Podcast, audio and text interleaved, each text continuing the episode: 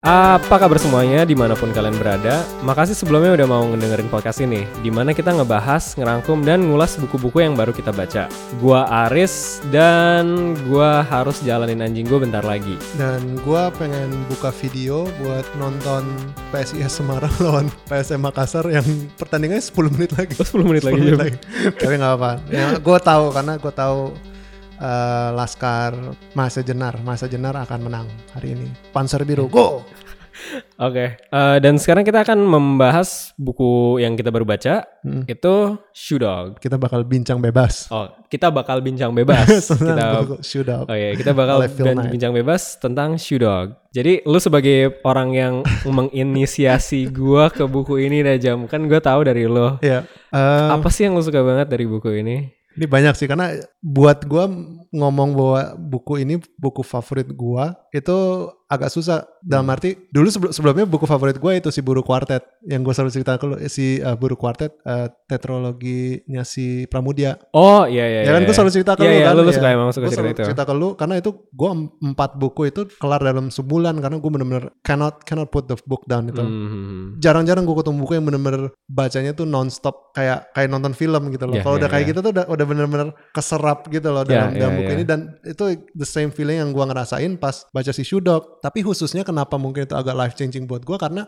waktu itu gue masih masih aktif praktek hukum kan Hmm. dan sebagai lawyer buku ini nih karena ceritain banyak sengketa-sengketanya si ini kan si Nike kan Iya iya. dan di situ lu ngelihat segala aspek hukum yang Hmm. relevan kepada suatu bisnis karena dia meskipun dia ngomongin sales, si Phil Knight ngomongin salesnya si sepatu mereka, Hmm. tentang manufacturing mereka, tentang pabrik mereka, yang merupakan key moments key momentsnya malah cenderung si legal issuesnya Legal mereka issues-nya, itu. Iya benar. Dan sebenarnya lebih penting lagi itu ta- tadi kan gue sempet eh, sebelum kita ngerekaman gue sempet ngomong ke lo kalau si Phil Knight ini nih seakan-akan hidup dia tuh didominasi oleh dua dua inilah dua profesi Iya yaitu iya, iya. akuntan dan lawyer, Lawyer, karena bapaknya dia itu sebenarnya lawyer. Hmm. Terus mertua dia dari si istrinya si Penny itu eh, lawyer tapi dia di pengadilan militer. Hmm. Eh, terus salah satu eh, cousinnya dia si cousin Howard ya, cousin siapa itu? Iya. Saudaranya si Phil Knight yang ngebantu mereka itu lawyer, Lawyer. dan dia yang bring on board eh, ke timnya si Nike pas zamannya Blue Ribbon Sports itu si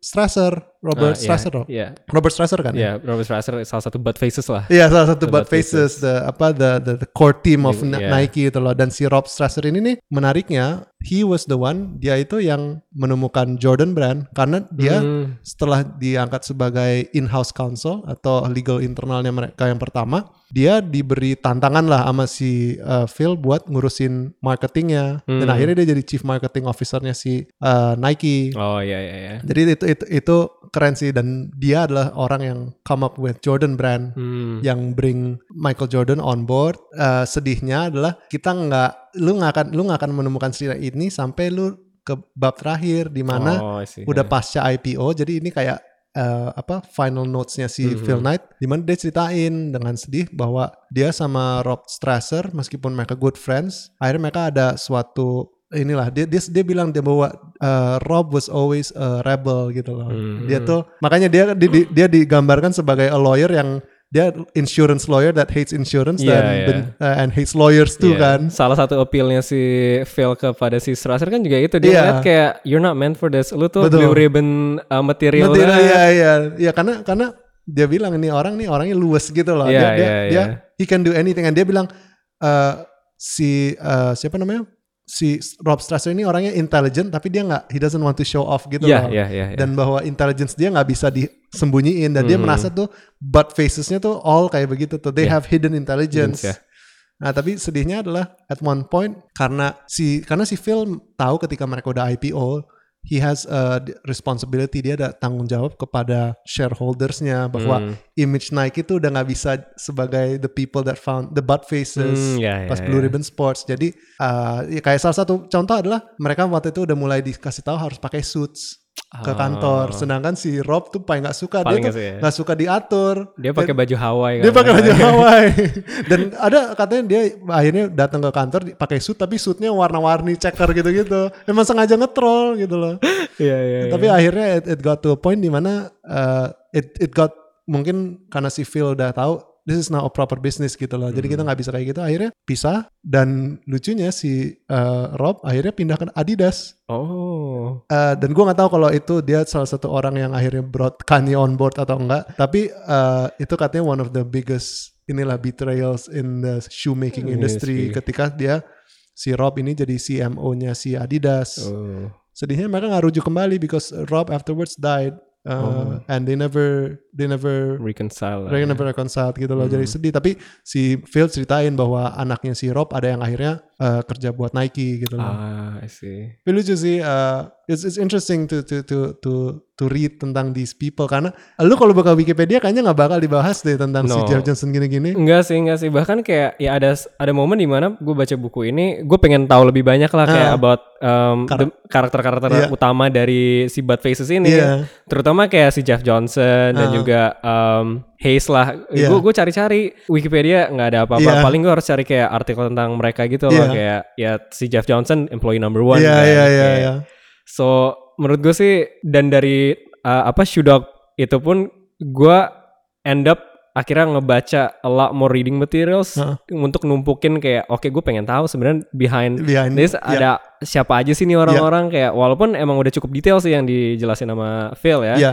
Cuman kayak dengan ngebaca tuh gue suka apa ya it's very interesting to know Iya. kayak ini karakter-karakternya tuh yang ngebantu Nike siapa aja sih Iya. sebenarnya. It makes it makes Nike yang buat kita we grew up with Nike gitu Iya, kan. iya, iya. It makes it has a human face gitu loh menurut gua ya. Iya, iya, bahwa iya. it was never perfect ya kayak kita ngo- ngomongin ini bukan professional athletes deciding to make a company this is lucunya Phil uh, kayak introspeksi diri dia bilang kayak Nike tuh kelihatannya cuman hire dari dua profesi yaitu akuntan sama lawyer lawyer, kan iya, iya, karena emang ya dia bukan atlet profesional dia he was an accountant Hmm. by profession dan dia sempat jadi asdos bahkan asdos Iya, akuntansi Asos kan ya.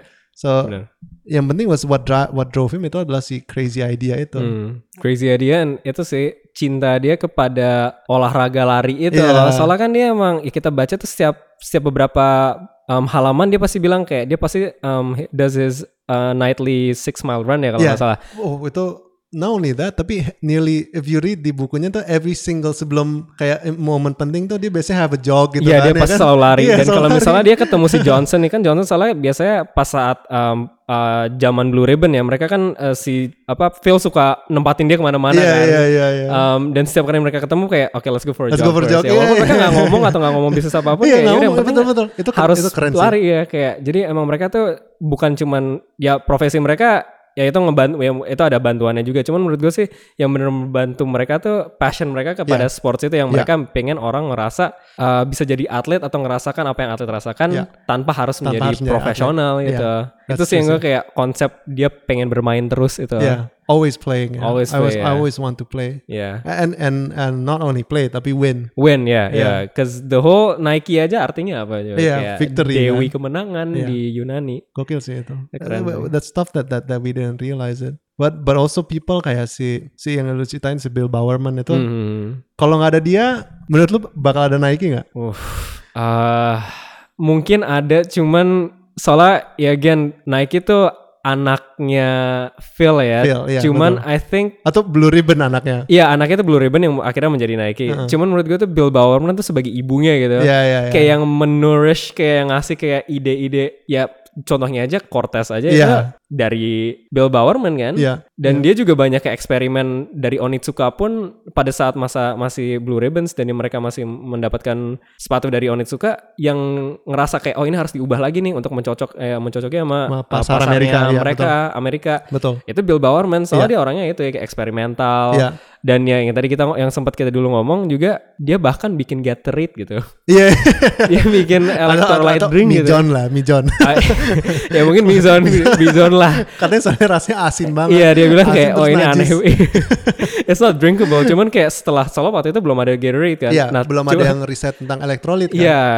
Cuman si Bill Bowerman itu kayak dia passionate banget tentang Iya. kayak everything sebagai atlet tuh apa aja sih yang perlu lu lakuin dan apa yang perlu lu pakai dan lu apa yang lu perlu Iya. masukkan ke badan lu untuk Iya. menjadi optimal gitu. Yeah. He loves the sport. These are Yeah. people yang benar-benar bisa dibilang obsessed and very passionate about Yeah. the sport, about community, Community, about ya.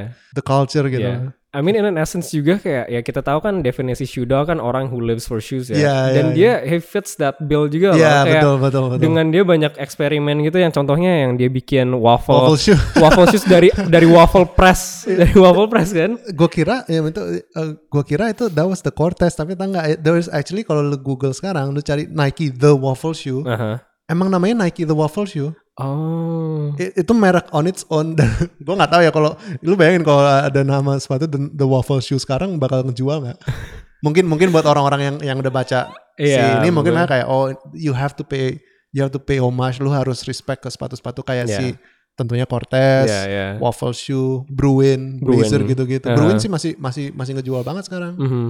Tapi ya these are obsessed people gitu loh Ya, very obsessed sih. Ya, I think Bill Bauer you can undercut seberapa besar kontribusinya si Bill ini karena Yeah. if it wasn't because of him, there would be no Cortez and the demand. Kayak kayak sebenarnya kalau Phil doang dan Phil cuma jualan sepatu, ya it's just Onitsuka Amerika aja gitu loh. Mhm. Sedangkan localizationnya itu Ya, sebenarnya localization look ya.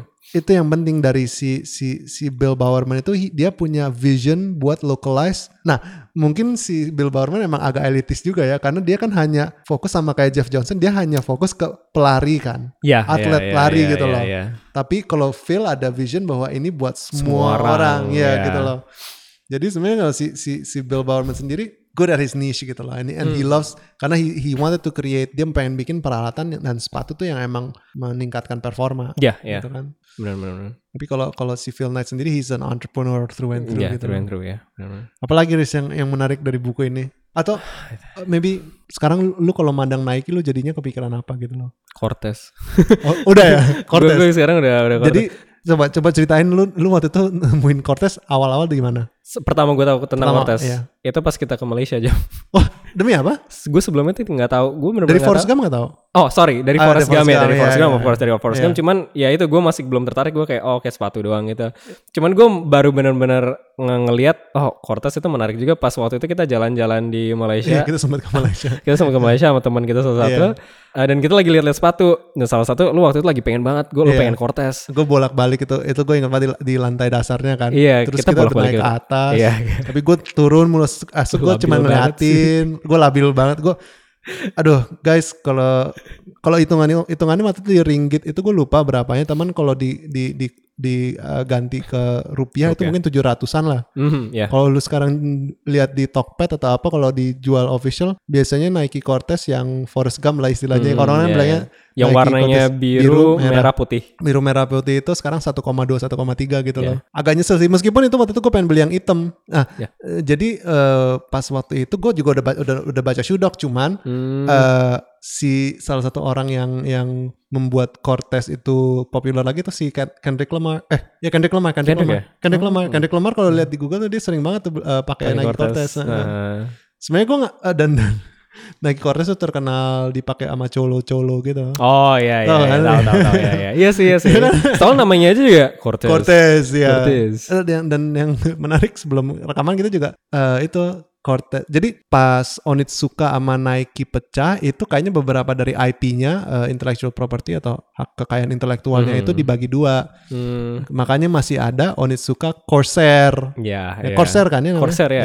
Onitsuka Corsair. Tiger Corsair yang kalau lihat tuh kok mirip banget sama Nike Cortez Ya. karena it is the Nike Warnanya, Cortez. Ya. bentuknya semuanya. Warnanya ya, warnanya yang yang warnanya bikin ya benar-benar persis. Iya karena dulu gue kalau ngeliat orang pakai Onitsuka Tiger gua, dan yang itu gue kayak kayak pernah lihat di mana ya. Hmm. Dan pasti ya tempat pertama gue lihat si Cortez itu dari si Forrest Gump Forrest sih. Gump ya. Itu Iya iconic. sih. and, and that's why I kalau gue mau refer ke yang warna biru merah putih itu gue selalu bilang itu Nike Forrest Gump gitu. Ah, Keren banget. ya, Yang yang leather gitu loh. Uff. Eh, bagus sih. Nah makanya gue gue baru tahu tentang Cortez kan dari awal dari Forrest Gump. Abis itu gue bener-bener baru appreciate sama lu pas gue lihat kayak lu bolak-balik labil banget. Dan waktu itu gue sempet lihat sendiri kayak oh ya bagus juga nih sepatu.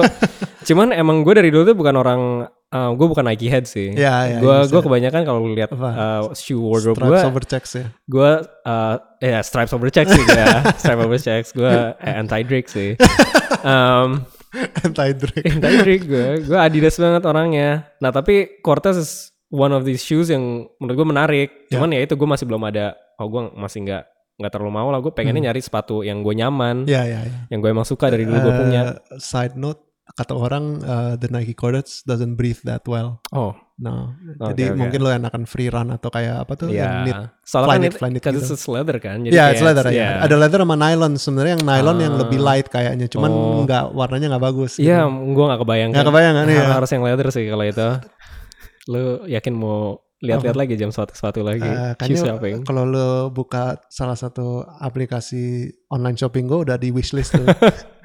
udah ada dari salah Udah, satu udah official itu. store udah gue wishlist.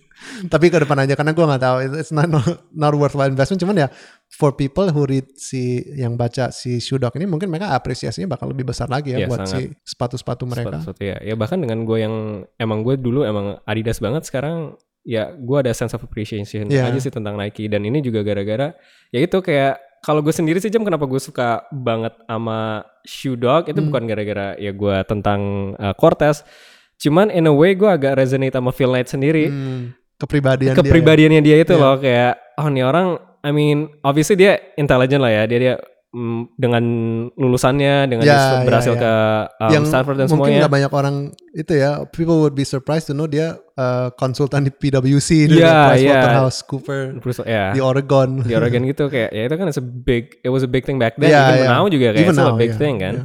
so dengan itu kayak bukan itu tapi sama kayak karakteristik dia sebagai orang Hmm. sebagai um, bahkan kayak uh, contohnya sih yang gue suka hubungannya dia dengan Johnson sih.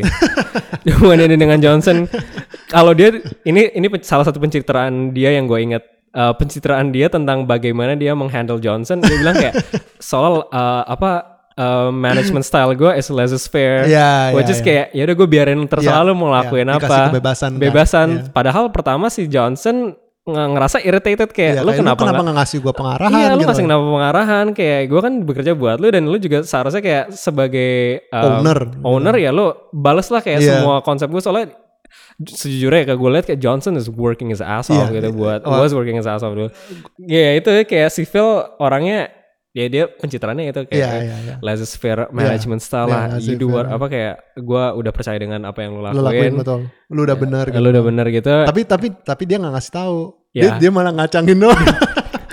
ya itu kayak misalnya kalau misalnya dia ngomong di zaman sekarang lewat WhatsApp Iya. di read doang kayak misalnya lu kasih report tentang kayak oh ini uh, kita per monthly kita segini Iya, relationship kita sama customer Iya, segini Dan dia ngasih produk insight bahkan di Iya, zaman iya. sebelum orang-orang bener-bener fokus di apa ya istilahnya ya customer User service, feedback lah. user feedback betul. Uh, dia bener-bener feedback, ya. nanyain dia tuh sampai sampai berteman sama sama Iya, sama iya. customers. Wah, but akhirnya he was able to si crazy idea-nya si Phil kan akhirnya bisa terwujud dan not only that he was able to make true gitu loh sampai sekarang bahwa semua orang bisa merasa rasanya jadi atlet, atlet ya dengan memakai barang-barangnya mereka yang Iya. emang created to enhance performance. Gue lupa ada yang iklan yang dulu sama Christian kayaknya ya kayaknya think was Nike yang yang yang mana eh, iklan inget nggak yang lu first person view lu lagi main bola terus ketemu CR7 gitu-gitu. Nggak inget ya? Hmm, nggak inget sih gue nggak inget sih. but, I think I, I'm I'm quite sure it was a Nike karena kan Cristiano Ronaldo kan Nike kan? Iya iya Ya, sponsored by Nike ya itu salah satu ad kalau tentang Adidas agak agak gondok sih cuman maksudnya itu ad yang bener-bener menurut gue menangkap apa itu visi dan uh, misinya si Mhm. Nike which is to make the normal person feel like, an a athlete. professional athlete. Dan it makes you feel like you're part of a community itu kan yang dia Iya, pengen iya, bikin. iya. ah, yang awalnya cuman runners community sekarang udah Nike kan cabangnya banyak banget Betul, sekarang iya, ya kan iya. udah football soccer Uh, uh, basket yeah. bas- Nike NBA Adidas ya sekarang Uh, well, I mean, you still get the Jordans kan? oh ya ya still get the oh ya kan? Jordans ya You ya, ya, ya. Jordans. Jordans golf golf Nike golf Nike Yeah. skate bahkan Iya, kan Nike Nike, skate, skate, sekarang ya. Nigel Ada. Houston tuh Yeah. masih wah gokil sih tapi emang to create something like that and to follow through with this crazy idea. But that crazy idea would not have worked. Nggak bakal tuh ide gilanya dia tuh terrealisasikan kalau bukan karena pertama drive dia ya Ya, ya. drive dia dia benar-benar motivasinya tuh kuat banget tapi juga karena dia ada orang-orang yang percaya dalam visi dia Ya, ya kan the butt faces so faces ya. mungkin buat kita kita juga if you want lu mau create something lu mau membuat sesuatu ya lu harus cari orang-orang yang tepat gitu loh mereka nggak nggak sembarang mungkin kedengarannya kalau dari bukunya mereka kayak sembarang hire aja gitu loh Iya sih, ya iya, kan iya. tapi sebenarnya enggak bahwa mereka akhirnya dapat kayak si Rob Strasser yang Hmm. mungkin last editionnya eh, apa eh, grup eh, anggota terakhir dari Bud Face-nya Hmm. itu si Rob Strasser karena mereka bilang lu tuh you're our people kan Hmm, you're a yeah. blue ribbon person blue Eh, sebelum ribbon, Nike yeah. bahkan dia bilang Yeah. you're a blue ribbon, Urban person, ya.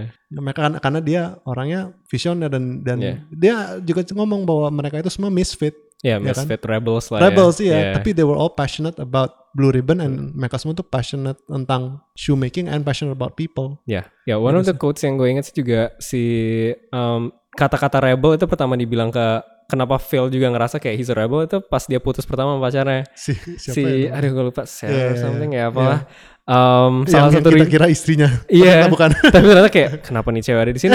Soalnya kayak Curhat Iya gitu. curhat dia, dia legit ada satu bab, bab tuh tentang dia curhat doang. jadi sesignifikan itu nih cewek. Iya. Um, jadi si uh, si Sarah lah pacar pertamanya dia his first love itu um, ngeputusin dia gara-gara uh, dia dan keluarganya ngerasa you're too much of a rebel. Hmm. Oh iya ya dia. Iya dia kayak ngomong gitu kayak kayak he wasn't disagreeing dia dia Iya. nggak bukan yang kayak apaan sih bukan gitu Iya. dia kayak Emang "Ya, gitu. emang gua iya gue emang rebel. Emang terus mau apa gitu. ya? Iya basically kayak gitu sih. Tapi enggak sih, soalnya dia dia selalu ngomong-ngomongin terus gitu loh. Iya iya iya. iya. Gue yakin itu itu ya itu itu itu semakin membuat karakter dia lah ya. Ya banget. banget. Bahwa dia he's a he's a what would you call him? A shoe dog? No, actually, I wouldn't call I wouldn't call him a shoe dog. Soalnya, um, I mean, he has a passion for shoes, but it was later in his life di mana dia ngerasa kayak uh, even development shoes aja yang nge- ngembangin bentuknya kayak gimana gimana, that's not him. Yeah, that's Bowerman. Bowerman Yeah. atau nggak Johnson kan? Iya Johnson betul betul. Kayak dia Bahkan tuh- yang lain yang lain had more product innovation to do. Yes, the iya. other butt faces dibandingin dia. gitu. Dibanding Phil Sebenarnya aja, what's his biggest contribution shoes? Uh, Kayak design wet shoes. flight. Dimension 6 Iya sih, you're right. Iya sih. kan kayak dia tuh he's not a shoe dog soalnya he's passionate about he wants pe passionnya dia itu kayak he wants people to feel like an athlete. athlete. Cuman kalau in terms of shoes, that's not him. Yeah, you you're know? right. You're right. He's not a creator. He's gitu not a loh. creator, no. But he wa- ya, dan dia nggak he doesn't discount the fact bahwa dia bilang di akhir-akhirnya it's luck juga kan. Yeah, Ya kan? yeah, dia yeah. bilang bahwa itu itu sebenarnya drive penting sekali. yeah. uh, having the right people penting sekali. Knowing when to give up pun is penting Yeah. sekali. Tapi ada satu faktor itu yang nggak bisa dilepas bahwa ya kadang-kadang it's just luck gitu loh. Kalau dia nggak ketemu si Jeff Johnson, kalau dia nggak ke University of Oregon nggak Yeah, ketemu yeah. Bill Bowerman. Kalau dia nggak ke world tripnya dia terus berhenti di, Di Jepang, dan yeah. dia nggak bohong tentang punya Blue Ribbon Sports kan belum tentu juga ada Nike ya benar, kan. benar, benar. yeah. Or we might be stuck with Dimension 6 gitu loh instead of Nike, Nike. with the swoosh kan. Swoosh with the dimension six. Oh, aduh, kacau sih kalau itu.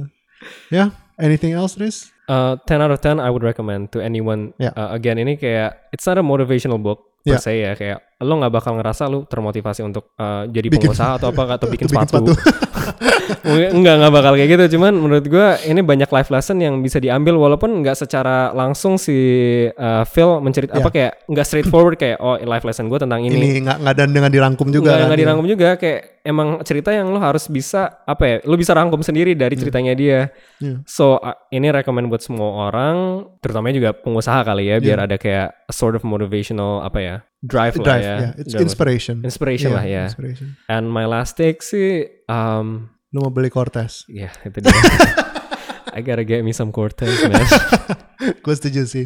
I kan? would I would also recommend to anyone, but khususnya buat buat lawyer yang pengen melihat sebenarnya seberapa Hmm. efek maybe untuk law student ya. Kalau lawyer juga sih sebenarnya. Pokoknya Hmm. baik orang-orang yang di consulting yang yang yang baik itu lawyer, acc- accountant atau apa pun, ini bakal ngasih konteks di mana kerjaan lu tuh sebenarnya sangat penting gitu loh. Hmm, ya ya ya ya gue gue karena dari buku ini gue ngerasa kayak wah ini yang bikin gue pengen pursue my crazy ideas gitu loh Hmm. karena everyone everyone you have to find your crazy idea apa pun itu and Ya. setidaknya nyoba gitu loh ya ya ya setidaknya nyoba dan eh, tentunya gue juga mesti beli Cortez nanti at one point kalau ternyata ini ternyata kita endorse ini ini secara langsung kita emang endorse ini kita sih. nge-endorse Nike dan Hmm. Cortez sih artinya udah ini dong official dong stripes over checks Eh, checks Eh, over checks over stripes. stripes. Oh, ya, checks over So- stripes. So, ntar lagi Adidas gue harus buang semua.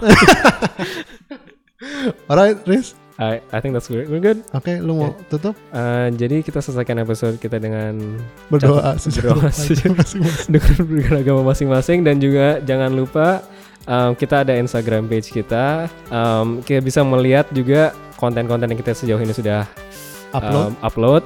Uh, buku-buku yang sudah kita baca, kalian bisa lihat di situ dan kita juga uh, Instagram kita ada dengan nama @baca buku apa podcast. Benar sekali. Dan bisa dicek juga langsung ke Spotify kita Mm-mm. untuk melihat episode kita yang sudah kita upload juga uh, dengan nama baca buku, Buku apa. apa. So dengan itu kita tutup saja di sini jam Oke, sampai jumpa di episode berikutnya. Gua Jamal. dan gua Aris. Goodbye. Bye guys, check over stripes. Checks over stripes. Itu psikomo deh. Oh, ya udah.